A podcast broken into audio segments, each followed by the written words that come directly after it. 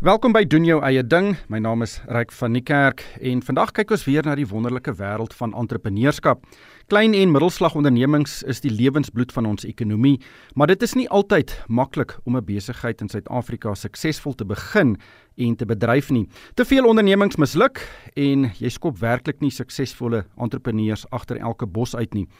In hierdie program gesels ek met van hierdie suksesvolle entrepreneurs en ons luister na hulle stories oor hoe hulle sukses behaal het en hopelik kan dit voornemende en bestaande entrepreneurs help om 'n paar sake idees te kry en ook hoe om die grootste slaggate van sake doen in Suid-Afrika te vermy. My gas vandag is Dion Roo. Hy is die stigter en eienaar van Dry Ice International. Hy is 'n ingenieur en het die besigheid in 1994 begin en soos die naam sê vervaardig die besigheid droë ys en eh, die besigheid het sedertdien baie gegroei en het vandag 6 vervaardigingsaanlegte reg oor die land wat 'n hele reeks produkte in al die groot stede in die land bemark. Dion baie welkom hier in die RSG Geldsaake Ateljee. Droë ys is 'n interessante produk. Ek ken dit net as die ding wat baie roomysverkopers in hulle trommels of in hulle kaste het om roomys koud te hou. Dit is so koud dit rook, maar ek het nou op julle webblad gaan kyk. Daar is 'n ongelooflike aantal toepassings waarvoor droë ys gebruik kan word. Vertel ons net eerstens van droë ys. Wat is die rede hoekom jy nou daarmee begin woeker het? Dankie Ryk. Ja, dit kom baie jare terug. Ek het ingenieurswese gestudeer op Tuks en direk daarna het ek by chemiese aanleg geëindig as jong ingenieur vir die eerste 4 jaar van my loopbaan en daaroor het ons een van die 17 aanlegte, dit was deel van Sentrachem daai tyd. Een van die 17 aanlegte was droë ys. Eintlik wat ons gedoen het, ons het molasse gekry uit Natal uit in treintrokke. Dan het ons dit in groot tanks gesit, gefermenteer, alkohol daar uitgemaak en dan uit die fermentasieproses kry jy CO2 gas en uit die CO2 gas het ons CO2 vloeistof gemaak. Dis weer vir verkoop aan van die groter gasmaatskappye en dit wat oorbly het ons droë ys van gemaak. So dis waar ek maar my tande geslyp het in daai tipe bedryf en geleer het van droë ys want ons het nie veel daarvan geleer op universiteit nie. Jy leer ons maar eintlik die meeste as jy begin werk. Maar presies, wat is dit? Hoekom is daar 'n vraag daarna? Net om vir die luisteraar te laat verstaan, enige verbrandingsproses of ontbindingsproses, verrottingsproses, jou kar, soos jy hier sit, jy haal suurstof in en jy haal CO2 uit. So CO2 is 'n normale deel van die atmosfeer, so 0.4% van die atmosfeer. Die CO2 wat ons het is net in 'n vloeibare vorm en ons sit hom om in 'n soliede vorm. Hy hy sit om in 'n poeier en ons sit hom onder seker so 30 ton druk en dan kry jy droë ys. So hy's op daai stadium by -80. So as jy hom vergelyk met waterys, hy het so 7 keer meer die verkoelingskapasiteit van 'n kilogram water teenoor 'n kilogram droë ys.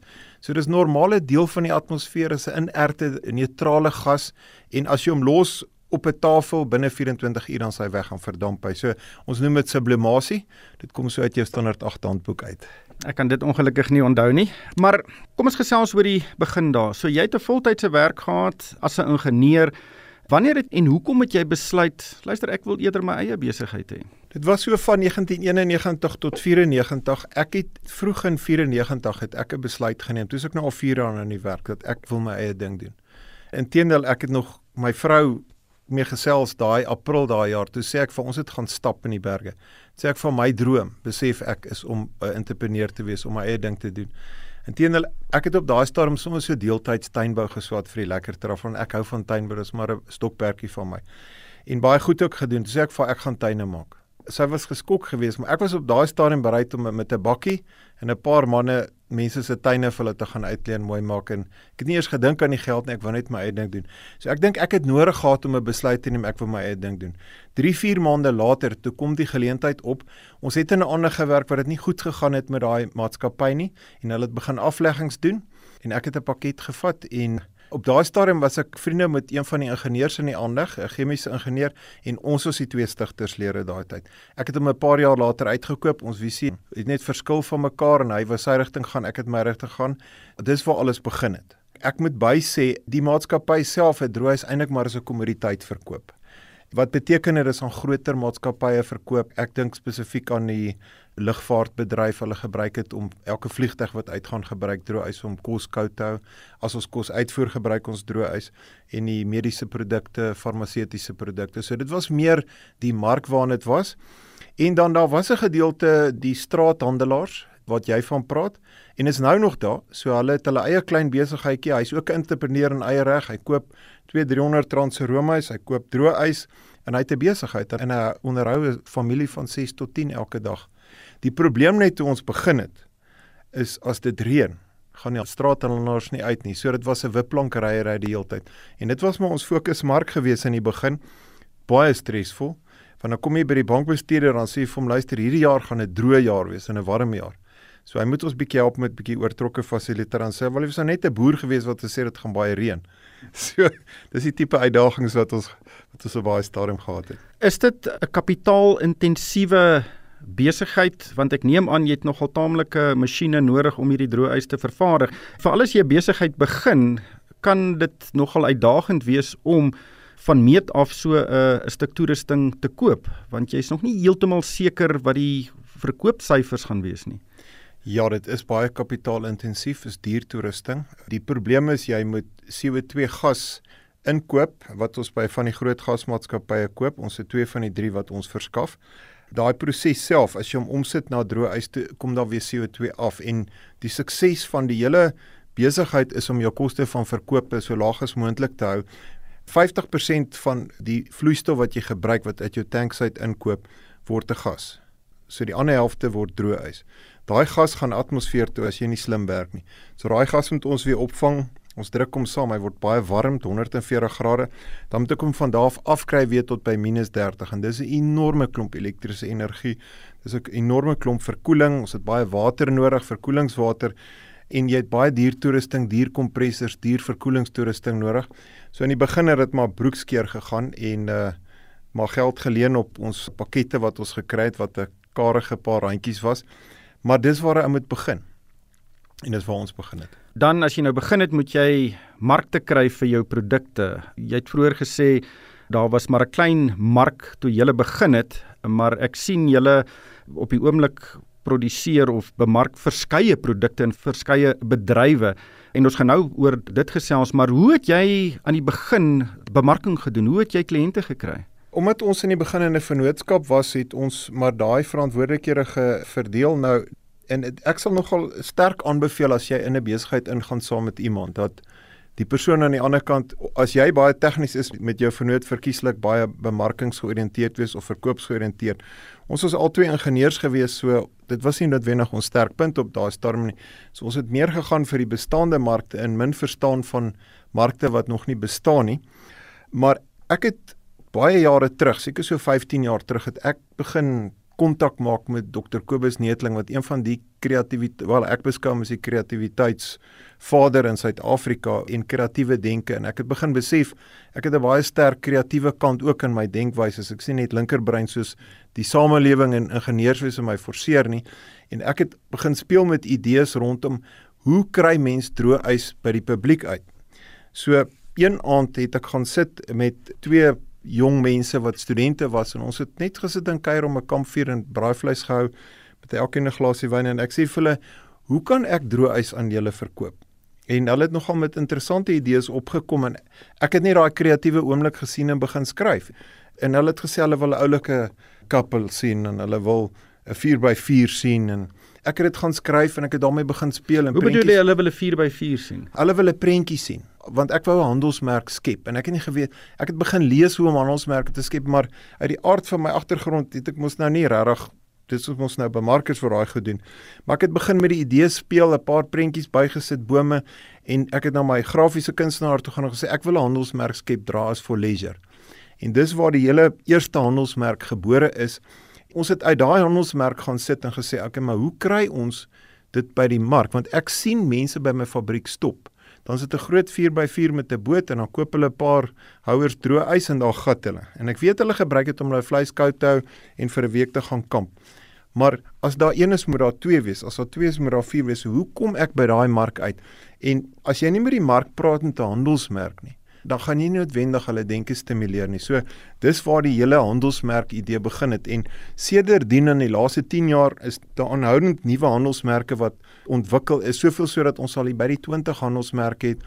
Elkeen met sy unieke bemarkingsstrategie, verkoopstrategie, unieke mark van die handelsmerke het moes ek al mense aanstel wat net op daardie handelsmerk fokus. So elke handelsmerk in sy reg eh, doen eintlik baie goed.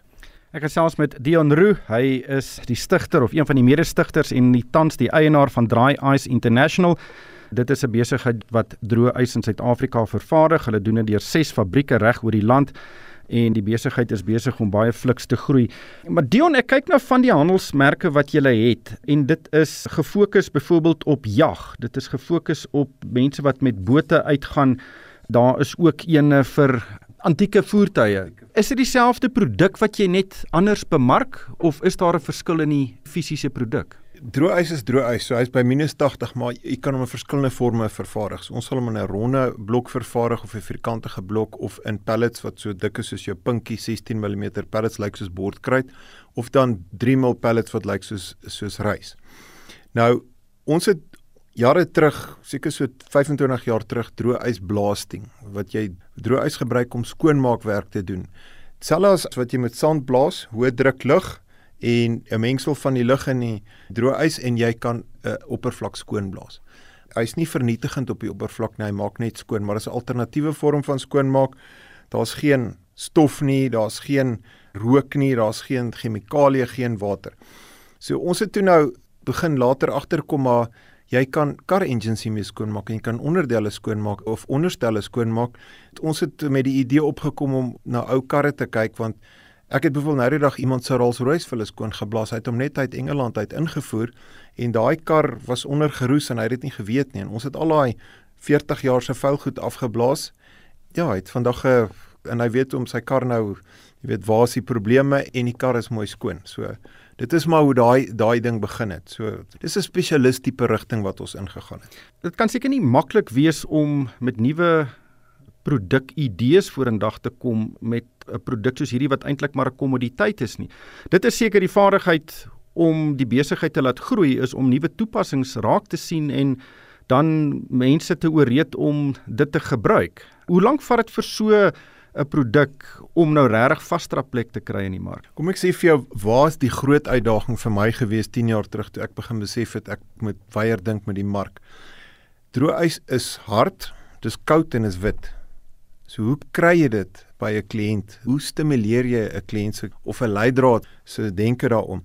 So ja, dit is 'n uitdaging en as ons met 'n idee kom, dan kan dit tot 2 jaar vat voor die idee regtig tot 'n punt kom wat ons op ons webtuiste sal sit wat ek dit sal begin bemark en wat my proses in plek is. Ek het op pad hierna toe het ons weer van 'n nuwe produk gepraat wat ons wil uitrol. Maar ons weet dit gaan eers middel volgende jaar gaan dit gebeur. So dit vat tyd. Dit vat geweldig kreatiewe denke en dit vat baie energie. Die kreatiewe kant is die lekker kant, maar daarna begin die rasionele kant, die kritiese kant, die brosjure skryf en die toetsing daarvan en seker maak wat jy sê is die waarheid en dit werk. Ek neem aan dis 'n ekonomie van skaal besigheid want dit is seker duur om droë ys te vervaardig en hoe meer jy vervaardig hoe laer is jou eenheidskoste. En is dit een van die redes hoekom jy soveel nuwe gebruikers wil kry is om die volumes te verhoog? Ja, dit gaan oor volumes, absoluut, omdat jy grens nog steeds aan die kommoditeitskant. Ons groot kliënte is gebruik dit maar as 'n kommoditeit, so jy moet baie versigtig wees. As jy begin 'n spesialis produklyn uitrol, dan staan 'n minder weerstand teen prys as wat jy dit het van 'n kliënt wat byvoorbeeld elke dag by jou koop en groot volumes koop. Dis verskillende lyne en verskillende tipe kliënte waarmee jy werk. Wat kos droë ys? Dis so R30 per kilo. Ek het nou nog gekyk raas crispies of cornflakes is R50 per kilo. So is om so helfte van cornflakes, maar is baie duurder om te vervaardig. Ek is seker dit is. Vertel ons van die uitdagings van vervaardiging. Jy het vroeër gesê dit gebruik baie elektrisiteit. Dis iets in Suid-Afrika wat nie altyd beskikbaar is nie en is ook baie duur, veral as jy dit op groot maat gebruik.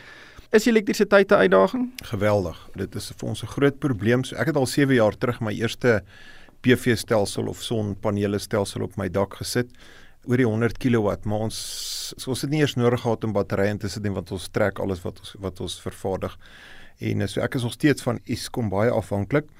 Die probleem is dis nie net Eskom wat jou uitdagings is nie, dis die industriële areas waarin jy ook is met jou stadsrade. So jy moet rondom dit ook navigeer. So ek het nie 'n keuse gehad as om te begin kragopwekkers insit nie en is redelike groot masjiene sluk maklik 50 liter 'n uur so ou kan vir jouself gaan uitwerk waartoe dinge gaan as jy vir 'n paar dae sonder krag sit maar ons kruis bestuif mekaar van verskillende areas af. So as ek 'n area het wat af is vir 'n paar dae, sal ek eerder droëys ry van 'n ander fabriek af. Dis die een uitdaging. Die tweede uitdaging is ons CO2 kom van Sasol af en die gasmaatskappye oes die CO2 van daar af sit dit om in 'n vloeistofvorm dit kom by ons uit. So as een van hierdie maatskappye besluit is nou onderhoudstyd, dan uh, is daar ook skielik CO2 tekorte. En luisteraars sal onthou seker so 10 jaar terug was daar geweldige CO2 tekorte in die land. Soveel sodat jy nie eers kon koeldrank op jou rakke kry die meeste van die CO2 in Suid-Afrika gaan in koeldrank in. Daai gas as jy hom oopmaak daai botteltjies ons staan gewoonlik tweede in die tou na hierdie ouens. En as daar nie CO2 is nie is dit 'n enorme uitdaging. So ons moet van alles bystand hê so ons het ekstra CO2 tanks waarna jy want jy kan CO2 stoor in, hierdie groot lang groot wit tanks. Ons het ekstra krag, ons het ekstra water want met verkoelingswater wat gebeur is as 'n stadsraad se water die dag af is want ons gebruik redelik baie water met verdampingsverkoeling. So ek het seker vir so tussen 30 en 50 000 liter spaar water per aandag. Spaar voertuie, spaar personeel, alles alles want ek het 'n produk wat net 'n paar uur hou, dan moet hy uit dit is een van die faktore wat ek dink dit baie moeilik maak om 'n besigheid in Suid-Afrika te bedryf.